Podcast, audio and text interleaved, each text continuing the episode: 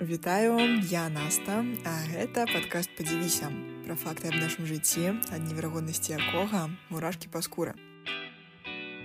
Як вам падаецца, што б падумалі пра нашу цывілізацыю нейкія антраполагі далёкай будучыні, калі б вывучалі соцыум сучаснасці. На мой погляд, яны падумалі, што мы ўсе пакланяліся катам, Альбо як мінімум, што існавала два тыпы людзей, першыя з якіх ушаноўвалі сабачкам, другія котачкам. Але ж сабачкі гэта сябры чалавецтва. Яны выконваюць смешныя загады, часам нават абараняюць хату ці працуюць разам з чалавекам. Мы іх прыручылі і з таго часу сабакі з чалавекам і чалавеку з сабакай лепей, чым бяз. А вось котачкі, Ну, котачкі жывуць побач з намі сваё асобнае жыццё.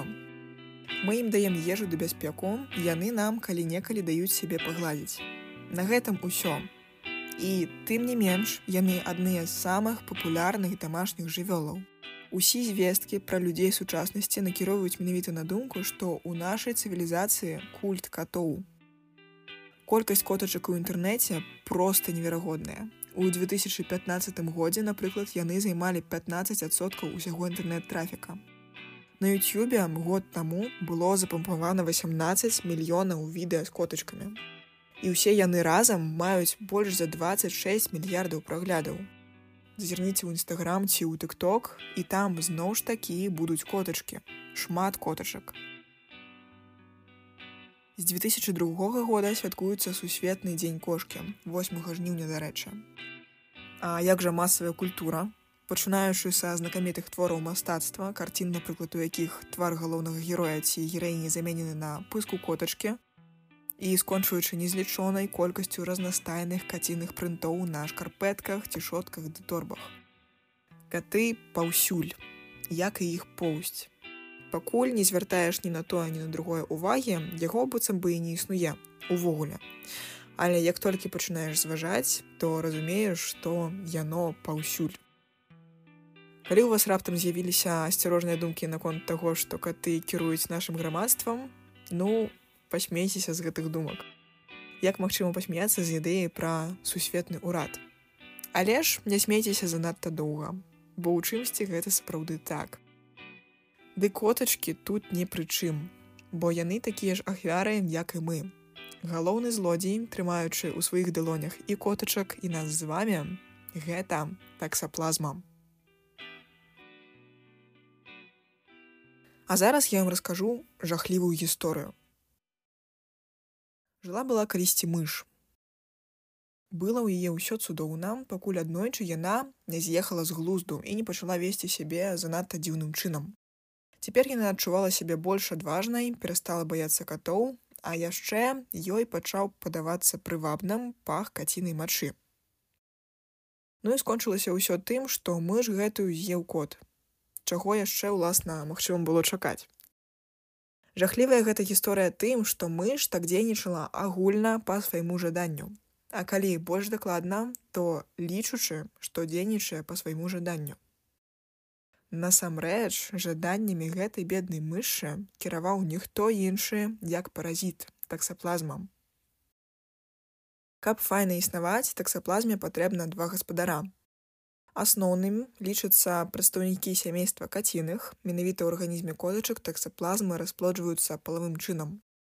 Усе астатнія, хто не котачкі, а напрыклад іншыя сысуны ці птушкі, могуць з'яўляцца прамежкавым гаспадаром для таксаплазмы, То бок там таксаплазма будзе расплоджвацца бясполым чынам. Вось так і выглядае жыццё таксаплазмы. А цыты таксаплазмы, то бок яйкі трапляюць з арганізма котачкі вонку, там трапляюць на штосьці, чым любяць харчавацца нейкая мыш ці пацук ці птушка, пасяляюцца ўнутры гэтых жывёлінак, расплоджваюцца там бясполым чынам, потым котачка снедае гэтай жывёлінкай таксаплазма трапляе ў котачку і там располажваецца палавым чынам. І ўсё зноў ідзе па коле. Здаецца прычым тут чалавек? Але ж як вы ўжо здагадаліся таксаплазмы часам жывуць інутры людзей. Паводле розных крыніц ёсць шмат розных дадзеных але ж нейкі найчасцейшы вынік гэта што на таксаплазмоз хварэе кожны трэці чалавек на зямлі. Як і з іншымі хваробамі тут складана атрымаць штосьці дакладнае, бо заўсёды будуць будуць тыя, хто пра свой токсаплазмоз нічога не ведае, ды увогуле заўсёды складана ўсё падлічыць чыста. Улічваючы яшчэ і тое, што большасць інфіцыраваных мае альбо ўвогуле аніякіх сімптомаў, альбо штосьці занадта звыклае тыпу аслабеласці, тэмпературы, якія, дарэчы, цягнуцца не больш, чым пару дзён. Таксаплазмы не перадаюцца ад чалавека да чалавека. Калі толькі гэта не донар ды рэцыпіент крыві, альбо органаў ці не цяжарная жанчына і яе дзіця. Дарэчы, менавіта таму кожная цяжарная жанчына павінна праходзіць тэст крыві на таксаплазмоз. Калі ў яе крыві будзе плаваць шмат чагосьці маленькага ды міленькага, падобнага на мандарынавыя дзелькі, тады яна хворая на таксаплазмоз. Калі дзелек не плавае, то яшчэ не хворая. Цікава, што самы бяспечны расклад падзей гэта калі жанчына яшчэ да цяжарнасці атрымала сабе таксаплазму. У такім выпадке атрымаць яе яшчэ раз яна ўжо будзе няздольная. Ды дзіцяці яна яе не перадасць, бо таксаплазма ў яе арганізме ўжо не ў актыўнай форме. Сітуацыя сярэдняй горшасці гэта калі ў жанчыны няма таксаплазмы, бо ў гэтым выпадке ёй трэба паводзіць сябе вельмі асцярожна пазбягаць кантакта з каціным туалетам і ўвогуле з большай увагай ставіцца да сваіх стасункаў з катамі. Ну і горшы варыянт гэта калі жанчына атрымлівае таксаплазму падчас цяжарнасці. Гэтага лепей пазбегнуць, бо ў такім выпадке дзіцяці можа атрымаць праблемы з вачыма, неўралагічныя праблемы ці нават увогуле памерці. Альбо яшчэ не нарадзіўшыся, альбо ў хуткім часе пасля. Таму амаль увесь таксаплазмоз мы атрымліваем з цягам жыцця праз кантакт з катамі ці праз прадукты харчавання ці ваду. Дарэчы, што цікава, бачна выразную сувязь паміж распаўсюджанай ежай у той ці іншай краіне ды колькасцю захворванняў. Чым большую папулярнасць маюць, напрыклад, стейкі з крывёй, свініна ды бараніна, тым больш людзей будуць мець таксаплазмоз. Што ж звернемся да нашай мышы спачатку. Таксаплазмы нейкія маленькія казюлькі, не большая за 7 тысячных міліметра зрабілі так, што гэтая мышні барака сама пайшла кату ў зяпу. Бо замест таго, каб баяцца катоў, каты пачалі ёй падабацца. А чым уласна чалавек так моцна адрозніваецца ад мыша? Калі разглядаць у памерах сусвета, то зусім няшмат чым. А што, калі для нас працуюць тыя ж самыя механізмы? Што, калі нам падабаюцца котачкі, бо яны падабаюцца таксаплазмам унутры нас? Гэта насамрэч не такі ўжо і дзіўны вынік, улічваючы яшчэ і тое, што нас таксама калісьці елі каты, але ж крыху большая за тых, якія зараз поруч з намі. Паводле даследаванняў людзі з таксаплазмай робяцца менш жахлівымі ды менш асцярожнымі. У них запавальняецца хуткасць рэакцыі і ў агульным яны больш верагодна апыняюцца ў нейкім інцыдэнце на дарозе. Таксаплазма здольная інфіцыраваць амаль любы тып цэлей сысуноў ды птушак. Тым ліку і нервовыя цэлі, Менавіта таму на анатамаванні трупаў магчыма знайсці таксаплазму, напрыклад, у мышцах ці нават у мозге. Найбольшы ўплыў гэты паразіт робіць на амігдалу, структуру, звязаную з жахам ды з іншымі эмоцыямі і на прылеглае ядро. Абедзве гэтыя структуры звязаныя з нейрамедыятарам дэфамінам.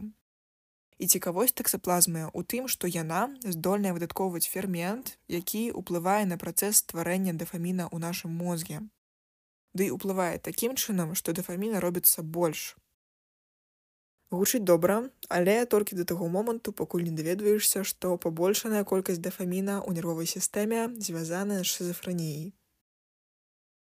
А яшчэ ёсць дадзеная аб тым, што таксаплазма шкодзіць працы бялка адказнага за транспарт глутамата. А глутамат гэта нейратрансмітар, адказны за хуткасць актывацыі нейронаў. Менавіта гэта і можа быць нагодай запаволенай рэакцыі.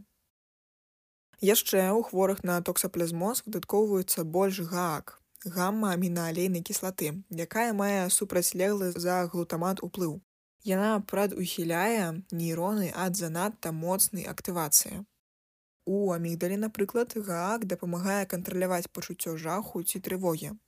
А калі гак занадта шмат, тады гэта і будзе рабіць кагосьці адчуваць сябе занадта адважным. Зусім як з той мышу. Спадзяюся, вы яшчэ не настолькі спужаліся, каб пачаць клясціся сябе больш ніколі не дакранацца да котачак пужацца не трэба, бо сувязь таксаплазмы ды псіхалагічных хвароб па сённяшні дзень не занадта пацверджаная, таму ўсё гэта не больш, чым проста здагадкі. А яшчэ, канешне, апрача таксаплазмы котачкі дораць нам і сваю любоў, таму абавязкова гладзьце котачак.